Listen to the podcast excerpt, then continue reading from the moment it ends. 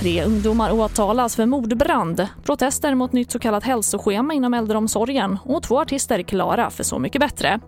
Ja, här är TV4-nyheterna som börjar med att tre unga personer åtalas för bland annat grov mordbrand och mord efter att en kvinna brann in i sitt hus i Nässjö den 1 februari i år. Det meddelar Åklagarmyndigheten. Enligt åtalet ska de tre ungdomarna ha trakasserat en kvinna på en buss och sen följt efter henne till hennes bostad.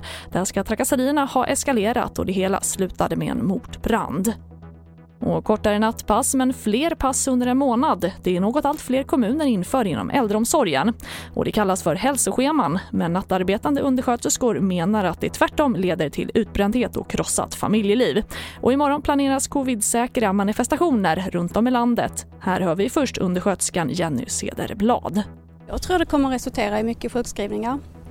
Eh, många som säger upp sig. Så de kommer bli av med många kompetenta undersköterskor. Vi kommer att följa upp sjukfrånvaron, vi kommer att följa upp de risker som man då kommer fram till och eh, bearbeta detta hela tiden. Detta handlar om pengar, ingenting annat. Det handlar om att utnyttja oss till max. Verkligen använda varenda minut, varenda droppe av oss. De gamla som vi tar hand om. De får en mycket sämre vård av trötta undersköterskor som inte orkar. Och sist här hörde vi undersköterskan Petra Hultberg och innan dess Inga Kerstin Eriksson, ordförande på vård och omsorgsnämnden i Lund.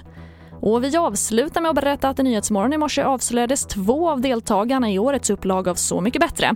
Och det är Broadway-stjärnan Peter Jöback och rapparen, jojkaren och människoaktivisten Maxida Märak. Och totalt ska 13 artister medverka i årets säsong. Och det får avsluta TV4-nyheterna. I studion Charlotte Hemgren.